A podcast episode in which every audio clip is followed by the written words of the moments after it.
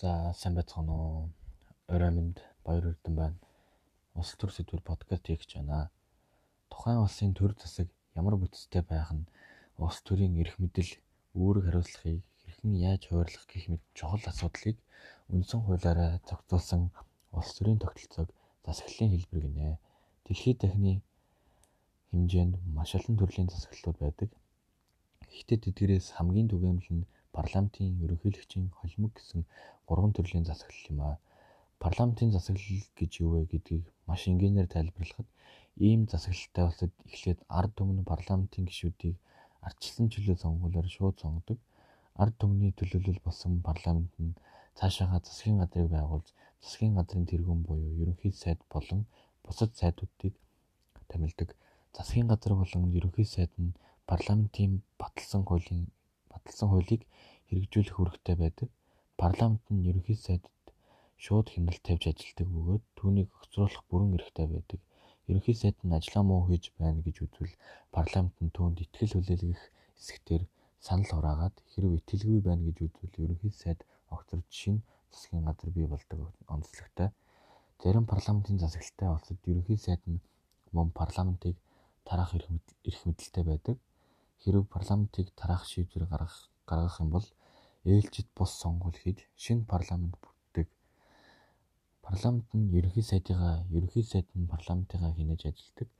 Парламентын засаглалын сонгодог хөлбөр нь Английн Вестминстер парламент юм. Парламентын засаглалтай нийт 63 улс байдгийн дийлэнх нь Европын улсууд үлдсэн ихэнхдээ Английн Колумбиусын улсууд байдаг.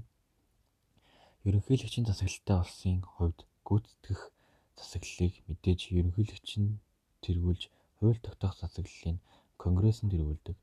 Ерөнхийлөгч конгресс хоёрыг аль нэг нь ард түмэн тус тусдаа сонгуул хийж шууд сонгодог. Гүйцэтгэх хууль тогтоох засаглалуудыг нь эрх мэдэл ажиллах хүчин үүрэг хариуцлага нь тус тустай байна. Парламентын засаглалтай улсын хувьд ерөнхий сайдыг парламент нь урьдаг харин ерөнхийлөгчийг ерөнхийлөгчийн засаглалтай улсад бол ерөнхийлөгчийн чиг конгресс томилдоггүй түүнийг ард түмэн шууд ажилд томилдог. Ерөнхийлөгчийг ажлаас нь халах эрх конгресс байдаггүй зөвхөн маш ноцтой онцгой нөхцөл байдалд үүссэн тохиолдолд үүссэн үед ерөнхийлөгчийг ажлаас нь чөлөөлөх буюу импич хийж болдог байна. Ерөнхийлөгч нь дангаараа улсын хурлын гишүүдээ сайд дарга нараа өөрөө мэдэж бүрдүүлдэг. Харин хуулийг конгресс баталж ерөнхийлөгч гарын үсэг зурснаар хэрэгжиж эхэлдэг. Ерөнхийлөгч нь хуулиндаа хориг тавьдаг. Түүний тавьсан хоригийг конгресс хүлээн авах хэсгээ санал хураан шийддэг. Ерөнхийлөгчийн засаглалын сонгодог хэлбэр нь мэдээж Америк нэгдсэн улс ерөнхийлөгчийн засаглалтай 53 улс байдгийн дийлэнх нь Өмнөд Америк болон Африкийн улсууд байдаг.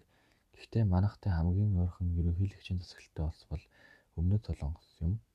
Ерөнхийлөгчийн болон парламентын засаглалын аль алинтай нь төстэй тогтолцоог холимог засаглал гэж нэрлэдэг.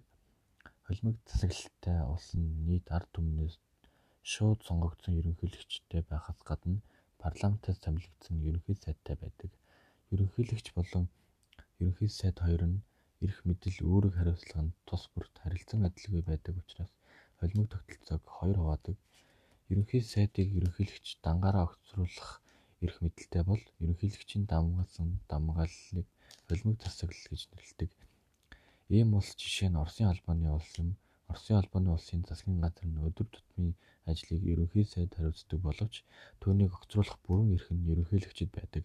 Тиймээс ерөнхийлөгч нь ерөнхий сайдаасаа илүү эрх мэдэлтэй вэ гэж үздэг. Эсвэргээрээ Монгол улс шиг ерөнхий сайдыг нь улсын хурал буюу хууль тогтоогч байгууллага нь огцруулдаг тогтолцоог ерөнхий сайд давамгаалсан холимог засаглал гэж нэрлэдэг.